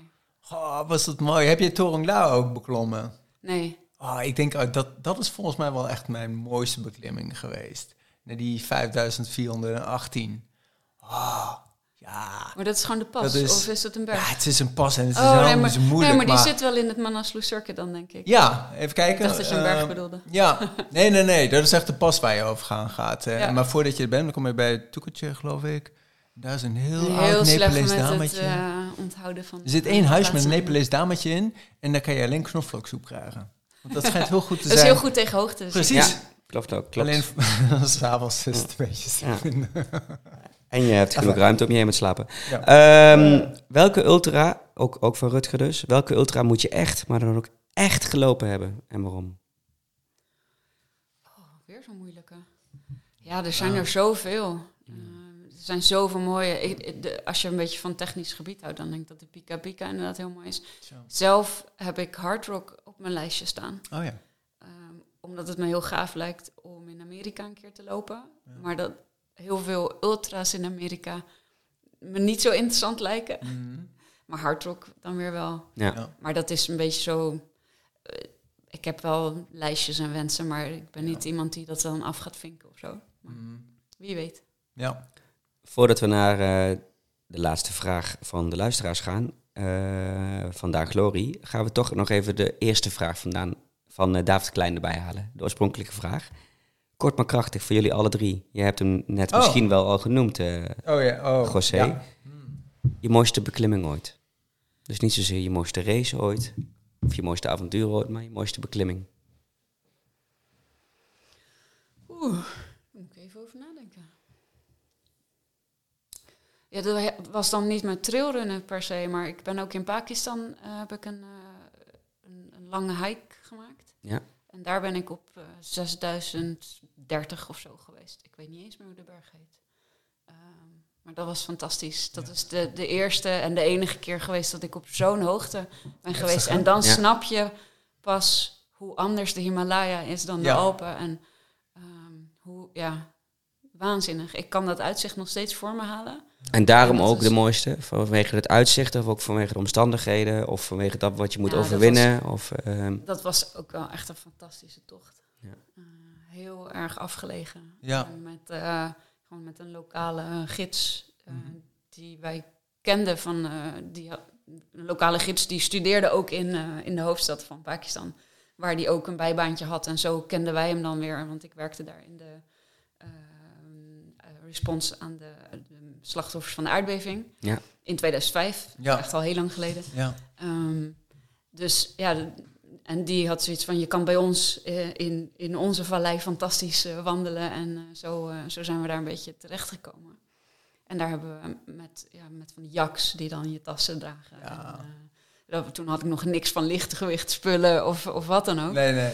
Eh, en dan iedere dag knoflooksoep met kaas. Eh, want dat was wat ze hadden: Ja. knoflook en, en jakkaas en melk en yoghurt en dat soort dingen. Ja. Ehm, Jakkie. Dus dat Ja. was, Ja. ja, best lekker hoor. Een beetje bezout. Ja. Ja, ik vond, ja, de, nou de ja. knoflooksoep was heel lekker. Mhm. Nee, dus het was gewoon ja, heel, eh, heel uniek. gaaf. Ja. Jij? Nee, jij. Ja, ik ook. Oh, je hebt het net al gezegd. Maar, ja, eh, ja, wat, ja, wil je nog even ja. resumeren? Ja. Dat was een lange eh, tocht. Ik ging, dat was, ik was in 2000 en, Jezus, 2009 heb ik besloten om een Royal Enfield te kopen. Ik probeer een kort verhaal te maken. Ja. Ja, Eh, dan maakt het niet uit wanneer het was. Nee, dat maakt het niet uit. Oké. Waar en wanneer. Waar, ja. Waar en waarom. Vanaf Tatopani naar Torungla. Oh, ja. Eh, en dat zo snel mogelijk op sandalen. Het ligt achter Enschede, toch? Nou, nee. Nee, nee. Ehm, tja, hoe ga je het nou uitleggen? Hè? Maar eh Annapurna circuit, Ja. ja, daar. Eh Tatopani is een Himalaya hete ook, Ja, ja. Himalaya is een hete bronnen eh, dorpje. Kan je gewoon echt in een hete bron liggen, dus niet in een bad. Daar eh, startend op je sandaaltjes met sokken, gewoon oude kleren aan, met een lang haar, eh, een halve hippie, met een wollen jas aan. Klimmen, net zoals jij, gewoon een tweedehands rugtas. Klimmen, klimmen, klimmen, klimmen, klimmen, klimmen. 4000 meter, jezus, wat gebeurt er met me? Oren spatten uit elkaar, ogen, wat vreemd, nooit van gehoord, wist ik veel. Ga weer terug, ik kon niet meer door. Ik bleef bij dat oude Nepalese dametje knoflooksoep eten. Ik, we verstonden elkaar niet. S'avonds had ik lucide dromen. Ik dacht, wat is dit? Volgende dag kon ik starten, want het was mooi weer. Ik voelde me goed en ik ging omhoog en ik kwam mensen tegen en ik lag op 5418 volgens mij, Tongla, omgeven door Tibetaanse vlaggetjes in de sneeuw. En ik dacht, nu mag het voor mij voorbij zijn. Zo mooi is het hier. En ik vloog naar beneden. Ik ben blij dat dat niet gebeurd is. Nee, Eh, ook. Ja, dat had ik hier alleen gezeten eh, Ja. met Suzanne. Maar, eh, maar dat was ja. echt, ja, nu ik, want toen ik het terughaal, ja, dat is echt mooi. Buiten de Pyreneeën en Alpen en al die dingen, dat was echt mooi. Ja, echt mooi. Jij? Ja, toch dichter bij huis dan. Nou, en niet in Be-. Niet in Berg. Nee, niet in Van Berg. De Van Berg was, nogmaals, net zoals de Rotterdamse Alpen, Ja, eh, echt absoluut de moeite waard. Maar, maar nee, eh, nee, in eh Graubünden, dat is een heel klein plekje waar ik al eh, eh, best wel lang eh, kom.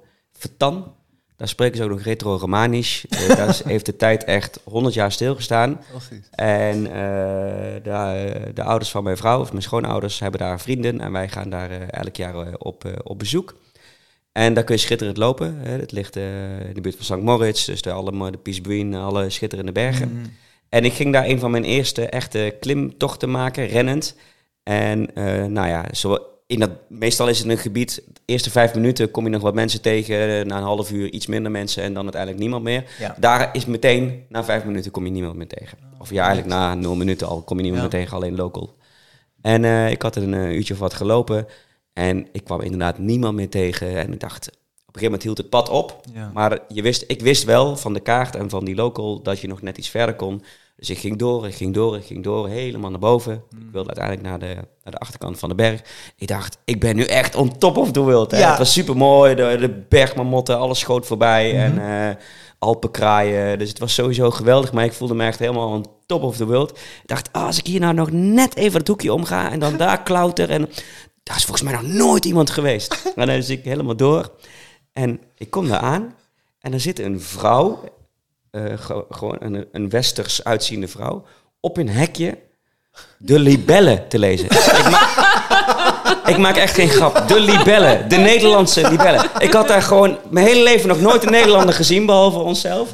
En daar waar ik dacht dat... eh, en, en dat is nooit meer overtroffen. Nooit meer, dat moment. De meest hilarische De, de nietigheid die ik toen Ja. ook had, ten opzichte van eh, de natuur, maar ook ten opzichte van eh, die dame die daar vraag. gewoon eh, libellen... Hoe, hoe kwam zij daar?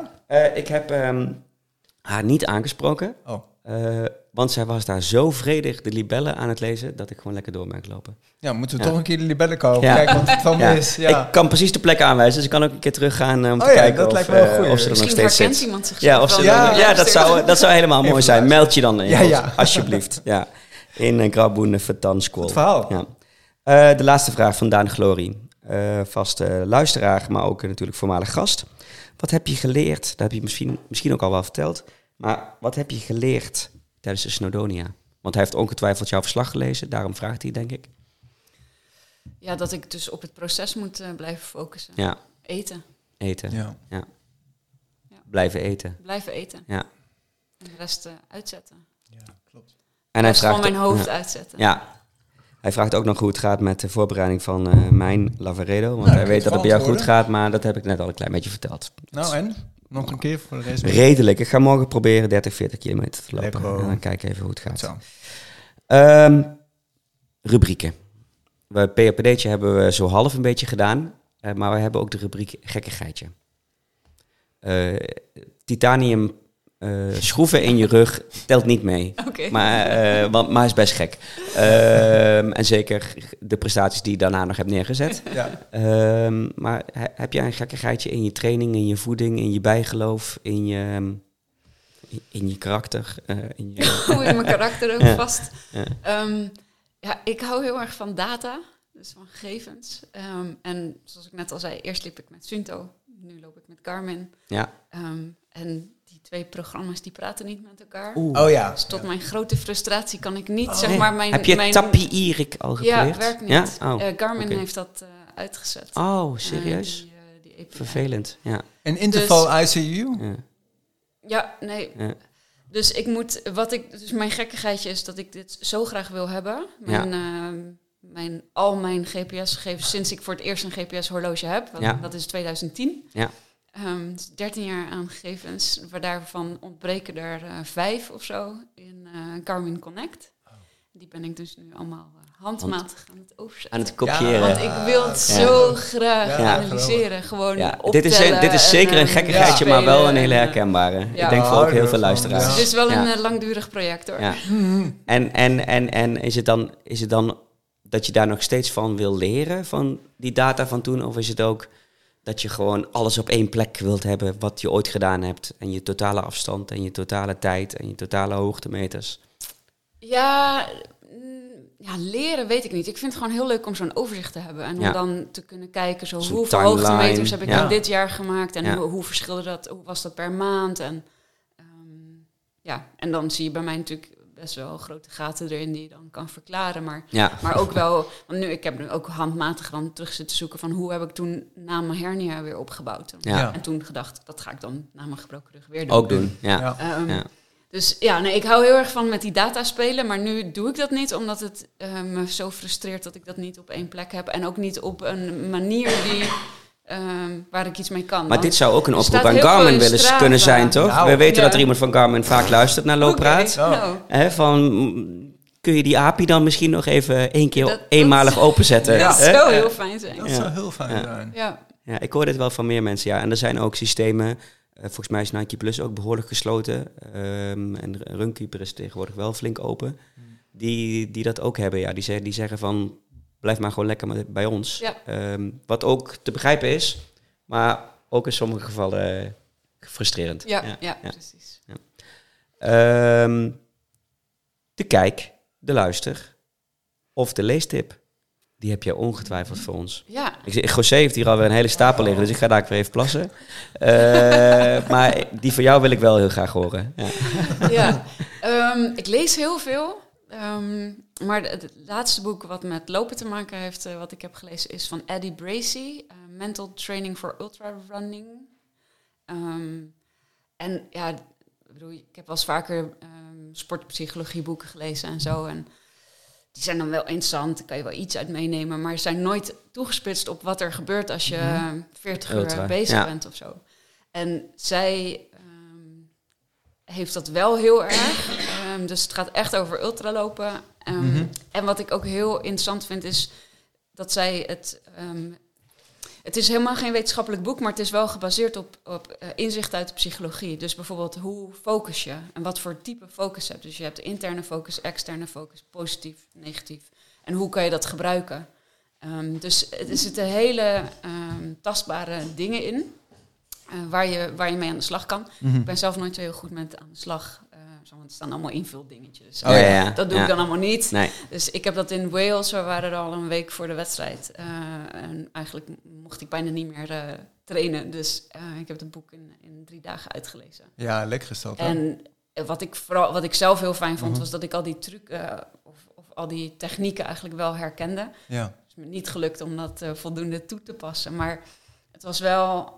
Ja, En het nu is noem er eens heel eentje van, geschreven. bijvoorbeeld. Een truc die je denkt van, ja, dat was wel echt een eentje Nou, ja, dit- eigenlijk gebruik ik het ver- verkeerde woorden. Het zijn dus geen trucs. Het, het gaat heel erg. Het boek begint juist ook met ehm, dat je. Het eerste hoofdstuk gaat over dat je je why moet weten. Mhm. Eh, want als je dat niet weet en, en je bent 40 uur bezig en je denkt, waarom doe ik dit allemaal? Ja. Dan Dus lastig ga je doorgaan. stoppen. Ja. Ja. Ehm, Ja. ja. Dus, dus zij gaat wel echt, het gaat best wel op het persoonlijke. Ehm, dus dat, is, dat, dat vind ik interessant. Ehm, maar bijvoorbeeld wel eh, heel tastbaar, ehm, als, je, als je onderweg bent, is het soms goed om eh, je focus extern eh, te leggen. En dat kan dan breed of smal, dus je kan op de loper voor je focussen of je kan om je heen kijken naar de bergen. Mhm. Ja. Micro macro. En, en afhankelijk Ja. van, van wat je aan het doen bent, want als je ergens een pijntje hebt bijvoorbeeld, en Mhm. je gaat daarop focussen, dan waar je aandacht tot naartoe gaat, wordt, wordt ook nou ja, erger. Of, of, als je, of als je denkt het gaat niet goed, dan zit je in je interne focus. Ja. En dan is het goed om juist ook te kijken, oh, kijk, wat een mooie omgeving. Ja. Ja. En zij helpt je dan, of er zitten van die oefeningetjes bij, waarbij je kan zeggen, wat gebeurt bij mij nou vaak? En Ja. hoe kan ik daar dan mee omgaan de Ja. volgende keer? Mooi. Leuk. Dus, en dat, dat, ja, het staat echt vol met eh, gewoon hele praktische tips. Nou, die gaat in de snow, Ja. snow- Heel, eh, show notes. En, Ja, eh, en niet alleen in de show notes. Ik denk ook eh, naar in, in onze boekenkast, hè? Ja. Ja. Ja, ja, en, en, en ja. en nee, ehm, Oh. ik wil nog, e- eh, want het, het prikkelt me tot een, of het, het, een vraag die wij vaak, of een onderwerp wat we geregeld Mm. bespreken bij Looppraat. Het verschil tussen mannen en vrouwen bij de ultra. En dat ook hoe langer de ultra, hoe ehm, eh, kleiner het verschil lijkt te worden. Komt dat ook door het mentale aspect? Dit boek is ook geschreven door een vrouw. Ja. Eh, Komt dat door het mentale aspect ook, denk je? Nou ja, volgens mij is het ook is het wetenschappelijk bewezen dat het niet zo is. Het lijkt wel zo dat vrouwen, naarmate het verder gaat, dat, het beter, dat ze beter zijn. Maar dat komt meer doordat er eh, gewoon zo weinig mensen meedoen. eh, dat, er wel, dat er dus wel eens vrouwen winnen. Ja, Ehm, dus, dus eigenlijk is het niet waar. Ehm, het enige wat ik, wat ik zelf wel altijd merk met races, eh, en dat is dan wel een mentaal deel- ding, denk ik, is ehm, vrouwen kunnen vaak wat minder hard starten en wat meer denken. Dat komt dat wel. gedoseerder. Mannen Ja. die Ja. er vaak snel vandoor. Ja. En ik denk ook heel vaak, ik zie je Ik nog zie je wel. straks Ja, wel. ja, ja, ja. En dat Ja. gebeurt dan ook wel. Ja. Dus, Ehm, dus jij hebt diesel in, je, in je tank en Ja. de mannen zitten met kerosine. Ja, of, eh, eh, gelijk al leeg. En, of eh, vooral meer verstand. Ja, ja. Ja. ja. natuurlijk. Ja, Ja. dat sowieso. minder bewijsdrang misschien wel, Ja. of minder... Ja. Ja. Ja. José, wat heb jij voor ons meegenomen? Nee, ik hoef niet te plassen. Nee. Nou, oké, dus ik ga gewoon luisteren. Als ik, je ga, maar, ik ga rammen, ja? Oké, ja. want dan, je we zitten al op één... Nee, nee, ik vind het heel Oh, leuk, maar we ja? zitten al op 1 uur Oeh, 16 shoot, minuten. ja. Oké, nou ja, ik- 24 seconden. Wat ik leuk vind, een gekkigheidje misschien ook wel tegelijk. Maar ik vind het dus heel leuk om eh, een kaart bij Pied-à-Terre of een kaartenboekhandel te halen. En dit doe je pas, niet eh, een half jaar van tevoren, maar een maand van tevoren. Dan ga je je inleven in het parcours. Dit is Cortina d'Ampezzo, oftewel Lavaredo. Ja, daar gaan we 120 heen. kilometer. Ja. Als jij hem uitvouwt, Ja. dan kan je wat zien, je kan wat lezen, je kan ook ervaren. En dat doet een kaart met je. En dat kan je ook in Komoot. Dat, maar is toch anders. Zeker. Dit, dit ruikt, dat is knisport, dat is leuk. Ja. Dat, nou ja, anyway, dat is een kleintje. Ja. Vind ik super En een gekkigheidje. Ja, Ja. echt wel een gekkigheidje. Ik heb Maar wel, eh, wel herkenbaar, maar bij mij meer voor de vakantie. Ik vind Voor het altijd leuk om op vakantie een kaart te hebben. voor de vakantie, maar ook voor als jij gewoon een mooie trail hebt. Ja, of en je doel, hè? Ja. en, eh, en je doel hebt. Eh, dankjewel, Sunny Schippers. Ja, Marathon Memoires. Ik heb het gelezen. Oh ja. Ik heb me verbaasd. Ik heb gedacht, wauw, wat raar. Mm. Maar ik heb hem uit. Ja. Eh, Tim van der Veer ook. I Ja. love him. Fantastisch boek. Ga ik niet aanhalen verder, want hij is al eerder gebeurd. Hebben we al besproken. Ja, Ja. hebben we al eerder besproken. Deze doen we voor de andere keer. Ja. Maar toch, met een knipoog, kijk ik even naar jou. Iedereen is nu nieuwsgierig geworden. En wie dan? Nou, oké, kort dan. Lizzie, Lizzie Harker. Jij hebt de Ultra, boeken? Ultra Tour, Tour Monta Rosa. Suzanne, was er toch bij dat ik hem zei? Eén boek Ja. en... eh. Dit is gewoon... Lizzie Hawker, ja, race director van de Het- ja, Rosa. het gaat hierom. Ja. Science of Running. Ja. Ik werd aangetrokken, eerlijk gezegd, door de buitenkant. Oh. En ik hou echt van die... Ja, ik, Ja, ja. hè, als sporttherapeut en masseur vind ik spieren heel interessant. Ehm, maar zijn opbouw is sowieso prachtig eigenlijk wel, met die kleuren. En waar hebben we het dan nu over? Een kleurboek gezegd? Nee. Science of Running is een boek die eigenlijk eh, vertaalt wat zijn mitochondriën, wat is ATP en waarom moet je van tevoren eh, wel of niet stretchen? Eh, wat voor training hoort daarbij als jij een marathon wil lopen? Dit is voor gevorderden leuk. Eh weer eventjes terugdenken van, oh ja, Chris Napier, PhD. Ja, leuk. Maar voor de beginnende loper is dit echt smullen. En die hebben wij ook. Want wij vergeten wel eens... Dit is voor gevorderden leuk, maar voor de beginnende loper Ja. leuker dus Smullen, juist. smullen. Oh, ja, leuker Want, dus. leuker, ja. Ja. Want wij vergeten wel eens... Wij hebben natuurlijk heel veel mooie ultra-atleten hier. Maar er zijn ook dames die gewoon vijf kilometer als ultra zien. Hè? En dan is zo'n boek ook heel erg leuk. Want dan kan je mooi Want gevisualiseerd... de, de titel en het tien. boek doet, doet vermoeden dat het nou juist interessant is voor mensen die heel diep in het lopen zitten. Ja, maar ja, het is maar dus ook voor de beginner heel leuk. Precies, Ja. het is voor de beginner juist heel erg leuk. Omdat je dan precies kan zien eigenlijk waarom hardlopen ook behind the scene, gedetailleerd, net zoals Suzanne ook, alle details wil weten. Echt gedetailleerd in het runnen, eh, of, eh, rennen kan gaan. Rennen of hardlopen, lopen. We zullen, we zullen ze alle drie in de show notes zetten. En de kaarten... eh, Ja. oh, maar ik zal een... ehm, Oh. Voor de luisteraars Ik- die, die uit Amsterdam, Rotterdam en Utrecht komen... zal ik mijn drie tips van kaartenwinkels Ja. uit die buurt. Ik heb, ik heb heel Ja. slecht nieuws. Ja. Want eh, Er is er ook één in Zaandam. nee, Oh, ik heb nog één ding. Dat is eh, Jason Koep, Ko- Koepcast. Ja, Ja. Eh, die heeft een hele goede podcast gemaakt van José Antonio. En die moet je echt gaan luisteren. ah, de, nog het- bedoel je? Ja, dus sorry. Dat is echt heel erg. Dat is laatst. En Ja. het viel best wel mee, want ik heb het binnen vier minuten gedaan. Ja, ja. José Antonio is een Ja. PhD die als enige Amerikaan. Dat vind ik wel een hele leuke naam, want dat is eigenlijk gewoon Anton Jan, hè? Ja, Ja. En José en Anton Jan Ja. samen. José, nou, fantastisch toch? Nee, maar hij heeft dus uitgezocht waarom supplementen, wat het dan doet met een sporter. Maar hij komt dus baanbrekend ehm, naar voren dat we doen eigenlijk als sporter doen onszelf tekort. We kunnen veel meer eiwitten eten dan we denken. En in die eh, aflevering van eh, Jason Koop denk je, hé, wat? Huh? Hoezo? En dan ga ik ook verder niks meer zeggen, maar je moet hem gaan Nee, luisteren. want anders hoeven we niet meer te luisteren. Voilà. Nee. Jij? Luister, kijk. nee, dan zullen we die overslaan. ja. Ja. Nou, top. Ja, nou, ik heb het gered. Ik heb een hele goede tip. Ga naar Pierre Terre en een mooie kaart kopen. Eh, Ja, misschien mooi, dat ik het morgen wel ga doen. Ja, jippie. Utrechtse straat, toch? Die Nee, je, denk ik. hij zit oh. in Scheltema nu. Oh, Ja, staat hij hij is- niet meer? Nee, hij zat op de Overtoom trouwens, naast Klaas Boomsma, eh, zijn broer Arie. Oh, hoe heet hij dan niet eh, op de Utrechtse straat? Maar, Uh, maar- Scheltema. nee, Nee? die op de Oh. Utrechtse straat. Er staat Oh, ook een hele toffe ehm. reiswinkel. Maar dat doet er nu niet toe. Nee. Suzanne, eh 1 uur, 21 minuten en bijna 21 seconden. Eh, Bijna een ultra. Dat is Ja. bijna een ultra, ja. Eh, nou, ja, qua aflevering wel. Ja, Ja. zeker. Ja, ehm, ehm, we gaan langzaam afronden. Maar niet voordat wij onze laatste vraag gesteld hebben. Heb jij, je, zei net, je noemde net al de hard rock, maar ik weet niet of hem dat is. Maar heb je ook een, wat, wat, wat- nee, ik draai hem om. Wat is je eerstvolgende avontuur Mhm. en wat is je Noordstar? Mijn eerstvolgende avontuur is eh, de Grand Trail Courmayeur. Begin juli. Oh, wauw. Ja. Eh, die loopt een stukje tegengesteld eh, de route van de Tour de. Ja, Ehm, en Commandeur natuurlijk ook eh, plaats in de ehm, UTMB. ja, en dan heb je misschien toch ook wel mijn Noordstar. UTMB? De Tour de Giant. Oh, de Tour de Giant. Oh, ja. ja. Hoewel ik daar ook Ja. altijd nog over twijfel. Ja. Maar ja, dat is... ehm, ik moet eerst maar eens die 100 mijler doen. Ja. Ja. Ehm, maar ik, ik, wil ook wel eens zien hoe, hoe het is om dan nog verder te lopen. Maar de- bij de Tour draait het minder om de tijd, En de snelheid. toch? Ja. Alhoewel wel rete ja. moeilijk, met drie uurtjes slapen zo gemiddeld. Hè? Maar die Commandeur trail die je gaat doen, dat, dat is wel gewoon een, een race. Of Dat- een, eh, ja, dus dat ja, is een 100 kilometer. Ja, ja, 100 kilometer. Ja, Ja. met eh, best wel veel hoogtemeters ook. Ja. Daar heb ik hem dan weer op uitgezocht. Fantastisch.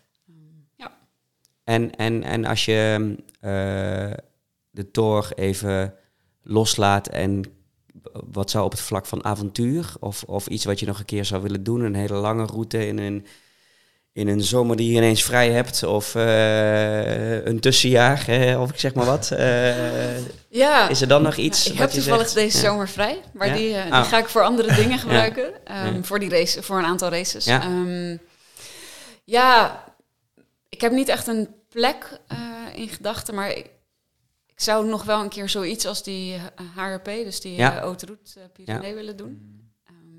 Je hebt ook wel zo, je hebt de Via Alpina in de Alpen, Corsica. Ja. een heel stuk verder Ja, trouwens. ja, Ehm, maar wel echt een, een lang, lang avontuur met een rugzak. eh, ja, waar het Rennen. nog minder gaat om de, Waar om de tijd of om de... Ja. ja. Mm, Ja. ja. maar ik, ik zit al heel lang te kijken naar of er een route is in Italië. Ik zou heel graag.